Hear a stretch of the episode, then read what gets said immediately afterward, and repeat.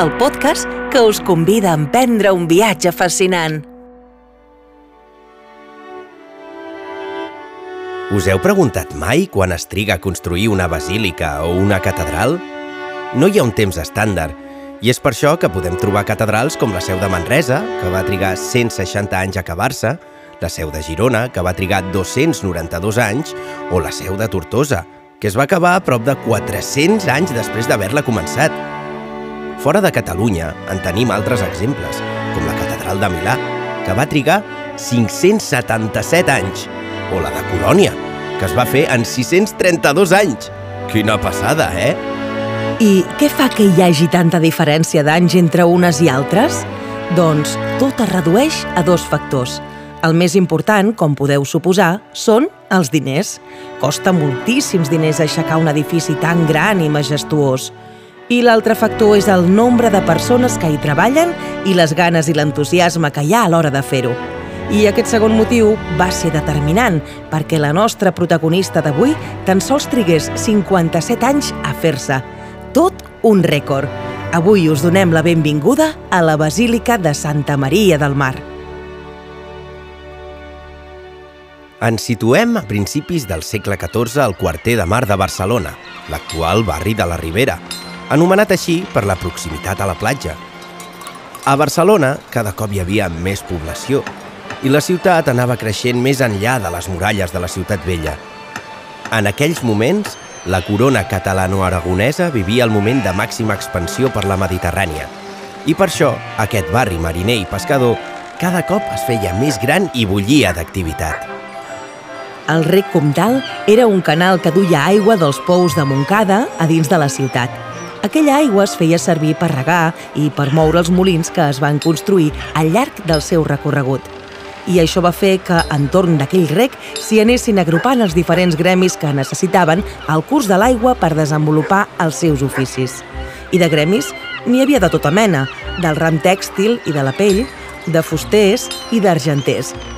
De fet, de la munió de gremis del quarter provenen els noms dels carrers, dels agullers, de l'argenteria, dels cotoners, dels estampers, de la fusteria, dels mirallers, de la vidrieria i tants altres.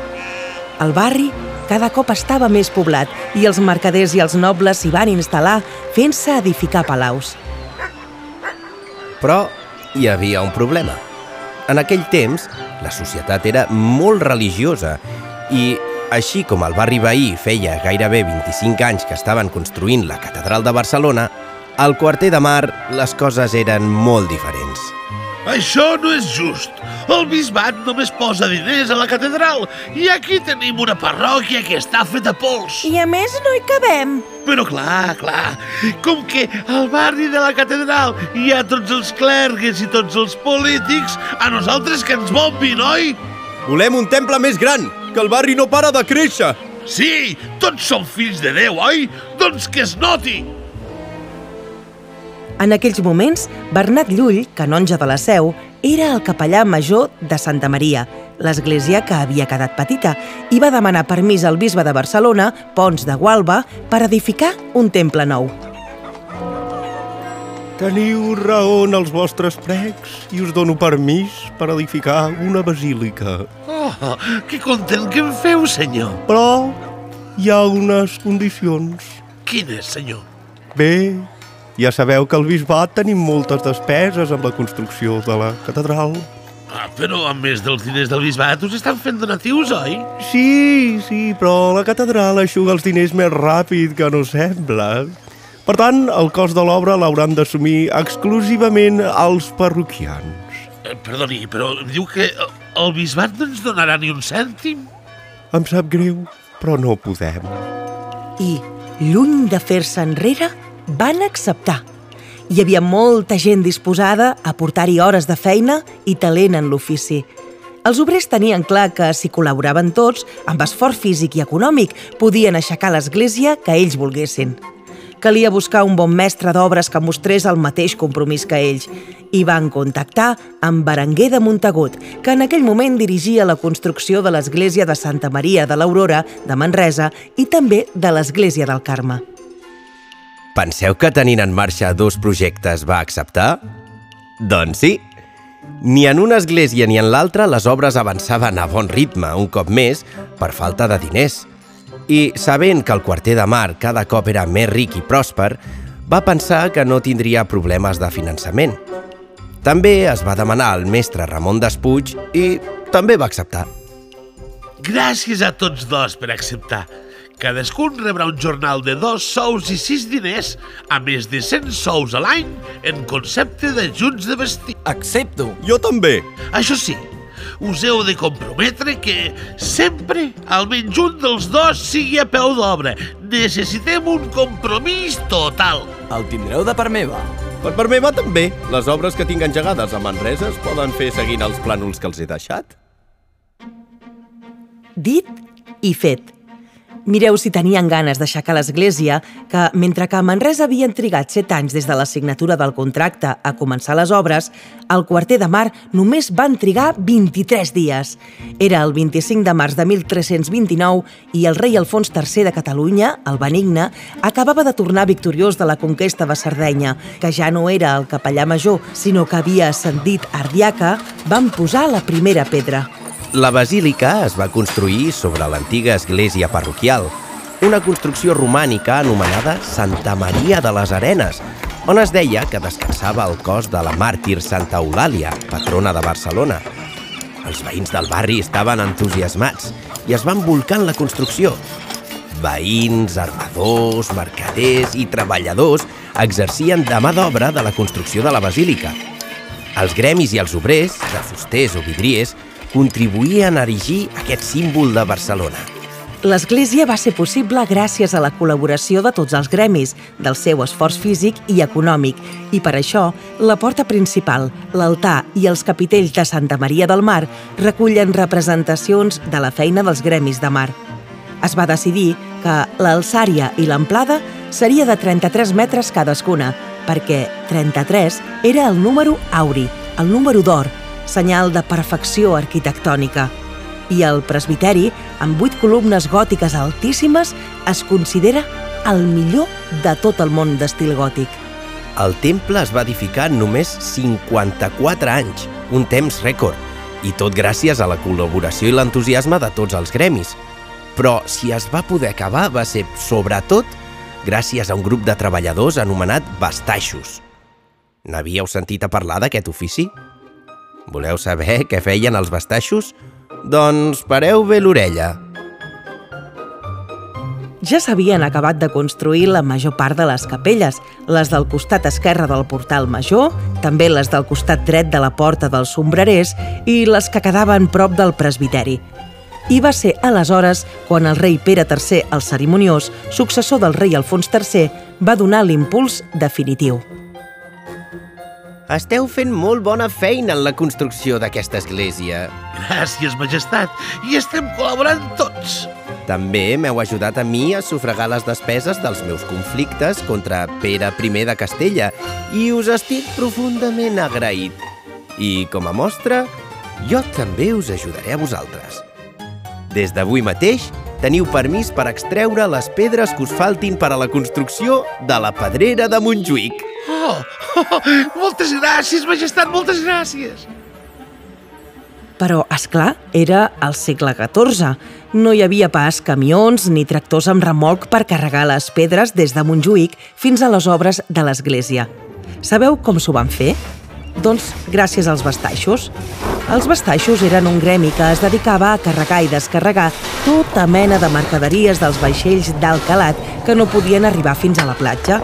Era un ofici molt dur, perquè ho carregaven tot a pes, amb l'ajut d'una capçana, d'una corda o d'una barra. Nosaltres, els bastaixos, carregarem les pedres des de Montjuïc fins a l'obra. Tenim braços durs i esquenes fortes. Ho podrem fer. Gràcies, companys, però no sé pas si us podrem pagar el que us mereixeu. No, no, no, no, no. Aquí col·laborem tots, oi que sí? Doncs nosaltres som tan membres d'aquest quarter com tots vosaltres. Ho farem de franc. Gràcies a això, aquella feina que sempre havia passat més aviat desapercebuda, aquí va destacar de la resta per l'esforç i la dedicació en la construcció de l'església. Traslladaven els blocs pesats de pedra des de la muntanya de Montjuïc fins al barri del Quarter, fent part del trajecte en barca i l'altra part amb les roques carregades a les espatlles i les esquenes. Era una de les feines més dures. I gràcies a aquest darrer impuls, cap a l'any 1370, es va iniciar la construcció de les voltes de la nau major, el tram final de l'església. Hi ha nombroses referències al gremi dels bastaixos repartides pel temple, una mostra del respecte i l'admiració que van rebre per part dels veïns del barri de la Ribera. Tots aquests esforços van permetre construir la basílica, que es va acabar l'any 1389.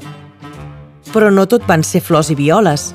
11 anys abans d'acabar, el dia de Sant Esteve de 1378, un incendi va cremar la fusta apilada per a la construcció i va reduir a cendres la sagristia, el cor i l'altar, i va malmetre les voltes, les arcades i les pedres de les parets. Però, lluny d'abandonar, els obrers van continuar treballant-hi i van rebre la visita del rei Pere III. Aquest incendi hauria pogut fer molt més mal. Sí, majestat, però és un contratemps que desmoralitza una mica. Penseu que si l'església no ha caigut és perquè Santa Maria l'ha mantingut d'en peus. Crec molt en la Mare de Déu. I com a agraïment, faré una donació de 100 florins per reparar la clau de volta del tercer tram destruïda pel foc. Ho dieu de debò, majestat. Ai, moltes gràcies, moltes gràcies. Els torno a veure motivats. M'agrada, m'agrada. Però aquell incendi no va ser l'únic entrebanc al qual va sobreviure Santa Maria del Mar. Al segle XV, concretament el 2 de febrer de l'any 1428, un terratrèmol de grans proporcions va destruir, juntament amb altres vidrieres de les naus, el gran rosetó de la façana principal dedicat a la coronació de Maria, una de les icones del temple. De fet, avui dia, des de les cobertes encara s'aprecien les esquerdes que hi va deixar el terratrèmol. 300 anys més tard, el 1714, durant la Guerra de Successió i a conseqüència dels bombardejos que va patir la ciutat de Barcelona, un incendi va tornar a posar en perill la basílica. I va tornar a sobreviure. I el 1939, durant la Guerra Civil, un altre incendi, en aquest cas provocat per un grup d'anarquistes, va destruir part de l'altar barroc, uns quants vitralls i molt de mobiliari i arxius. Ja veieu que podem dir que Santa Maria del Mar és una església supervivent. Però l'església sempre s'ha refet de tot gràcies a la col·laboració activa dels habitants del barri al llarg del temps. S'ha restaurat en part gràcies a l'ajuda dels gremis i també gràcies a les donacions dels feligresos i d'algunes entitats, com per exemple, i com a tall de curiositat, el Futbol Club Barcelona, que va fer un donatiu de 100.000 pessetes. És per això que si visiteu Santa Maria del Mar i mireu cap a dalt, en un dels vitralls veureu l'escut del Barça. A veure si el trobeu. I voleu saber una altra curiositat dels vitralls? El darrer vitrall blau col·locat a la capella al costat de la de Sant Antoni és commemoratiu dels Jocs Olímpics. S'hi pot veure claríssimament la flama olímpica de color vermell i a sota, en petit, tots els jocs que s'hi van celebrar, amb el nom dels qui van guanyar la medalla d'or, tot i que, com que són molt petits, quasi no es poden distingir. Aquest vitrall va ser un regal de Pasqual Maragall, president del Comitè Olímpic de Barcelona, i Joan Antoni Samaranc, president del Comitè Olímpic Internacional l'any 1992.